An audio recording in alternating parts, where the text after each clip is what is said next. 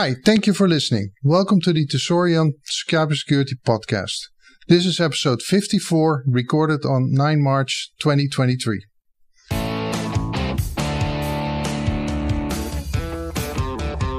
In this show, we will be exploring the latest trends and developments in the world of cybersecurity and how they impact both business and individuals. Whether you're an experienced IT professional or simply looking to protect your personal information online, this podcast is for you. We will cover topics such as data breaches, malware attacks, and the importance of strong passwords and security protocols. Join us as we delve into the world of cybersecurity and learn how to keep your information safe in the digital age. Hello, and welcome to our podcast. My name is Lex Borger. Today I'm joined by Paul Baird, who is the Chief Technical Security Officer at Qualys for the UK and North EMEA. I'm excited to have Paul here and to share his expertise and insight with us as we discuss security vulnerabilities and more. So let's start. Hi, Paul. Welcome. Thank you very much for having me. At first, I saw that you also have a fellowship title in uh, your LinkedIn profile. I do, one that I'm very proud of. Um, I was given it in the UK by the Chartered Institute of Cybersecurity um, for the work that I've done outside of um, cybersecurity in my day to day role. Wow. Um, so I do a lot of support um, in in universities and schools to try and push cybersecurity to everyday people now. I can imagine you're proud of that. Yes. I, I, am. I am. It's it's it's the first letters after my name that I've had, so it's always a good start. Uh, I only have common sets of names uh, behind my name that I can place there, and uh, yeah, thinking of that, uh, I saw a, a, periodic table that you put together, and I recognized the titles that I have already in row one and two. So that probably shows how common they are. Oh. you you put together a periodic table, but it's not of chemistry. No, it's of cybersecurity acronyms. It's it's my labor of love. It, it's turned into a backroom project um, that I was doing for my kids who are doing their cybersecurity degrees to being sought after on social media. I posted it up and it's been translated into multiple languages. Universities and schools have taken it. It's it's now on version three. Oh wow! And and so it's a periodic table. What what's what's the period or what's the structure of it? So I've classified it. It's it's grown from version one, which had four or five, sorry, four classifications. Um, we're up to six now, and it's around all the different acronyms you can come across within your cybersecurity journey. And I say journey, that could be you starting day one at your academia, or it could all be up to your um, a, a, tier three SOC analyst, so CISO, and you're coming across acronyms that you've never heard of before. So they cover tools, they cover education. Um, there's even a funnies section in there to cover some of the the acronyms we use on a daily basis, but they're all clean. okay, that, that's good to know. so no uh, no warning labels necessary. No warning labels necessary. No. Yeah, it's it's funny, and I I glanced it over, and uh, yeah, there are a couple, quite a couple that I don't recognize. So uh, there's uh, plenty more to explore, I guess, in the uh, field of uh, cybersecurity. And me, I, I, got um, recommendations. Um, I'm very open. It's very organic. It will change over time. Um, and there's some that I had to look up when I got asked to put them in because I'd never heard of them before. Yeah. And it shows we don't know everything in the industry. and it also shows you it's it's really acronym land in uh, IT and and especially security. If you don't know your acronyms, uh, and and I typically get that when I talk to uh, C-level people that that uh, you have to so watch that you don't use the acronym words that that otherwise your colleagues understand so much uh, that uh, you stay away from them, not to shy away the the the, the attention of the of a, a CISO or a CFO or a CEO. Yeah, I don't know if you have a special strategy for talking to uh, chief level people.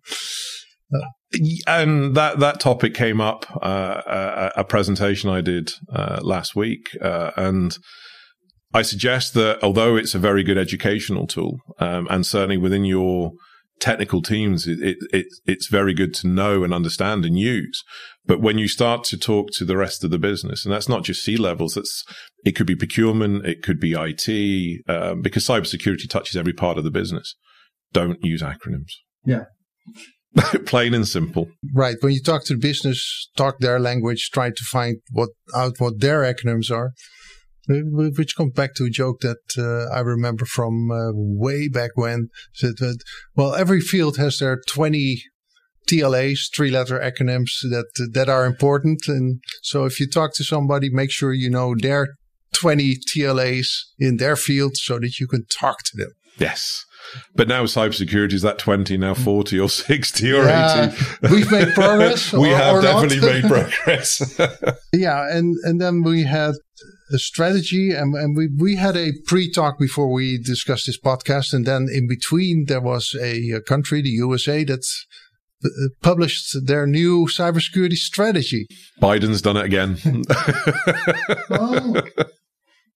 Uh, there was a topic in there that uh, really caught my eye, and I understood it caught yours uh, about a uh, the responsibility for software uh, vulnerabilities and a shift in responsibility in that.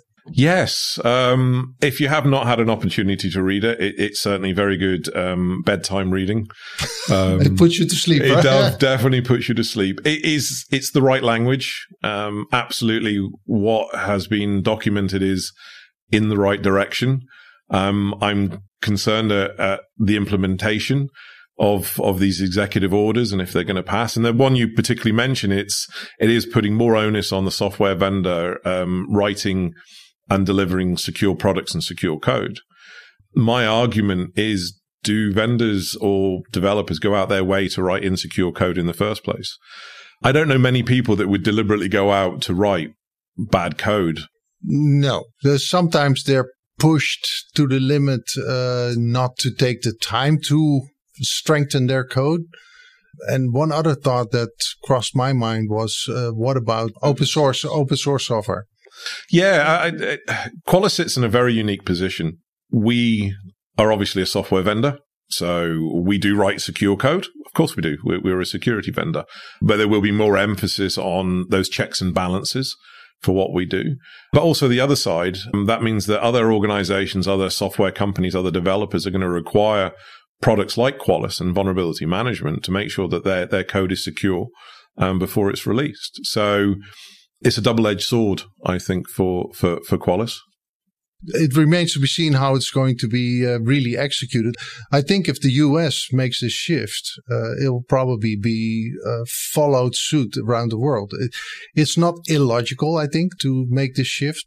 It's comparable to the automobile industry, where the automobile maker is responsible for the safety of the car. You can draw the parallels of a software company being responsible for the safety or security of the software. Yes, there was an interesting line in the uh, in the order that that suggests that the, the the burden of responsibility could lie on the vendor for default installations or default delivery of of the product or code. Now, whose responsibility is it to make sure that the most secure options or settings are, are made? Is that the customer? Is that the vendor?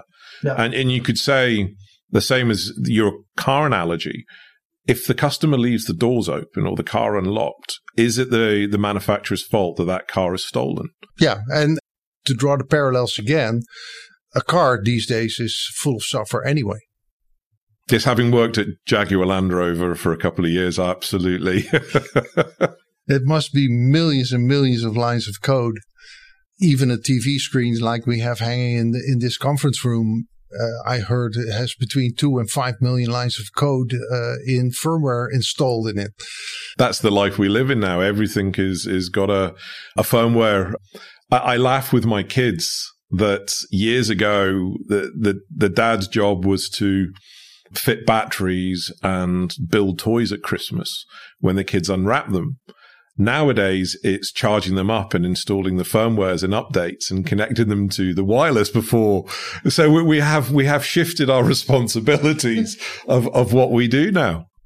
Yeah, well, you, you could say uh, these days, indeed, every, like you said, with the Wi-Fi, everything is networked these days. So given that we cannot find a a software engineer in good conscience that would write insecure software, we think we might be predisposed to a collection of safe writing software uh, developers around us.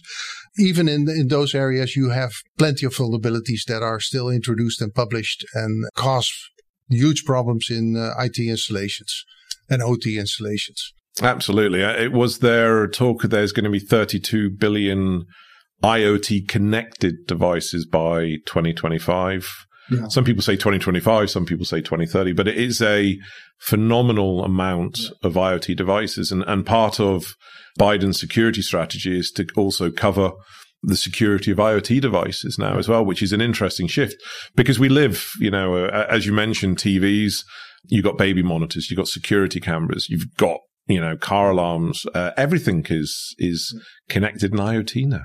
And, and all of them have limited computing power, which limits the amount of uh, power that can be put behind things like encryption. I saw that NIST had proposed some new encryption algorithms that are capable of providing security to a low computing device. I think those are good developments. Have you heard that? No, that's that's one that I obviously there's some more bedtime reading for me. yeah. uh, it, I love this industry because uh, every day there's something new coming out and something that I haven't heard of. So yeah. it's great having these these conversations.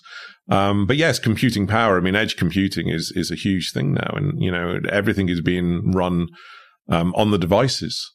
Um, now we, we're starting to move away from centralization to back to decentralization again. Yeah, I'm back to decentralization, but also back to the opportunity to launch in that decentralization, launch massive, massive uh, DDoS attacks, for instance, uh, using billions of IoT devices that you just mentioned and uh, just direct them to uh, your target. And and and I've heard that the, these days it's not even so that they reach the target, but they uh, they cause massive upstream uh, congestion that that you have whole trunks of the internet that uh, get basically put offline. Is it the and I'm probably going to pronounce it wrong. It was the the Mirai botnet in 2016 uh, was a collection of tens of thousands of IoT devices. Yeah, that, that was that at, the at the time the largest DDoS attack ever seen.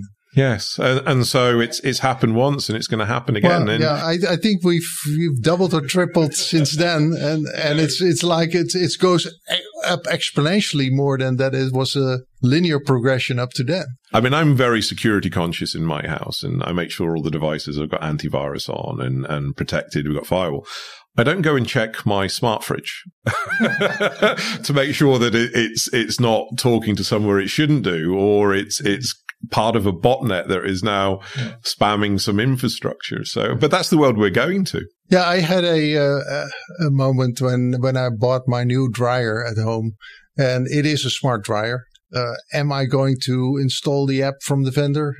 No, it's actually probably more functional and more secure for me to not do that at all and just leave it unused. Absolutely. Uh, sometimes technology doesn't need to be adapted uh, and used like that. Yeah. Yeah.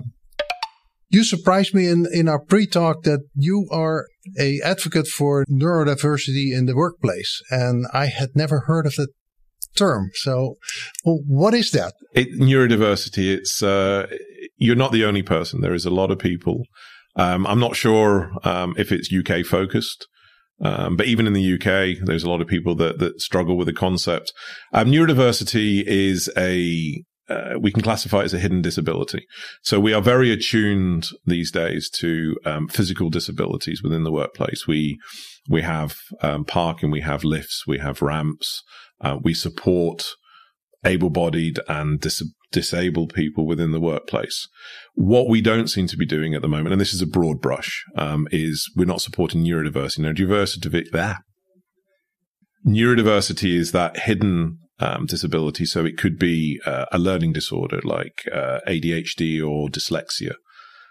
Do you know ADHD and do you know dyslexia? I'm I'm familiar with that. My my wife is a teacher, so so you you get so so I'm dyslexic. I'm I'm ridiculously um, dyslexic. And what's interesting for me is cybersecurity and IT in general um, draws in neurodiverse people because we see things in a slightly different way um, to others.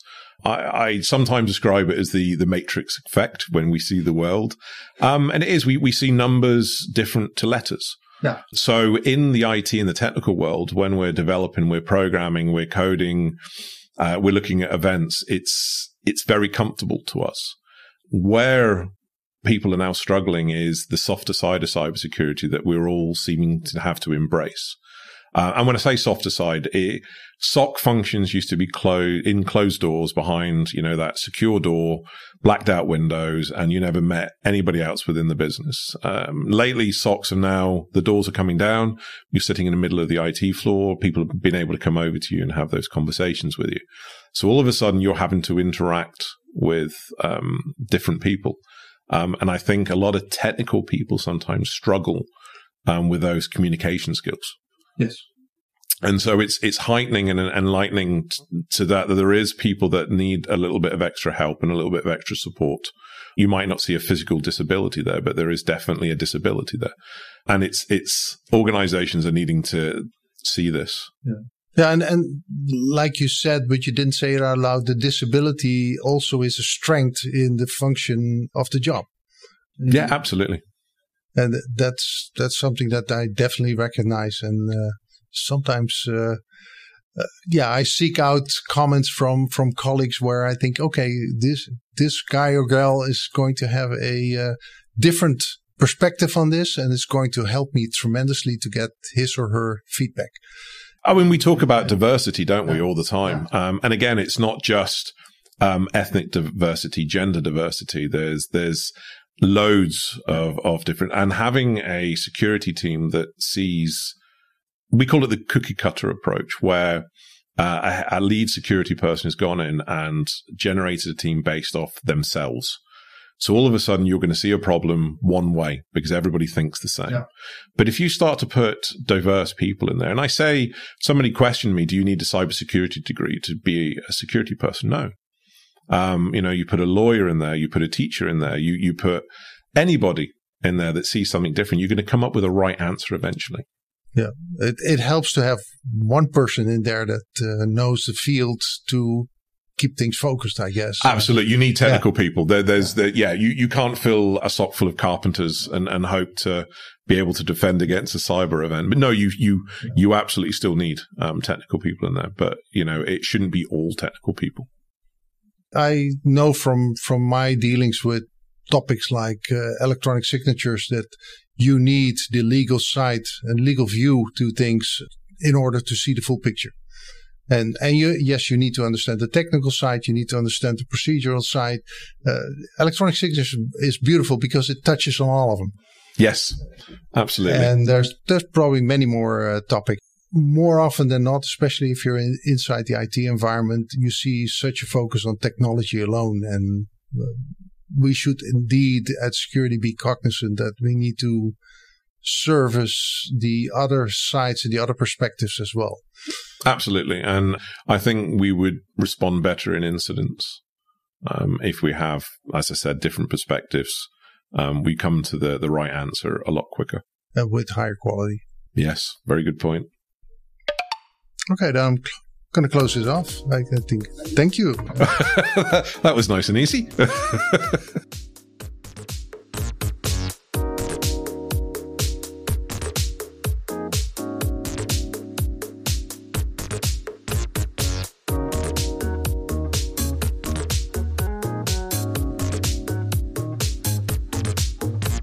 Thank you for tuning in to this episode of the Tesorion podcast. A sincere thanks to Paul for contributing today.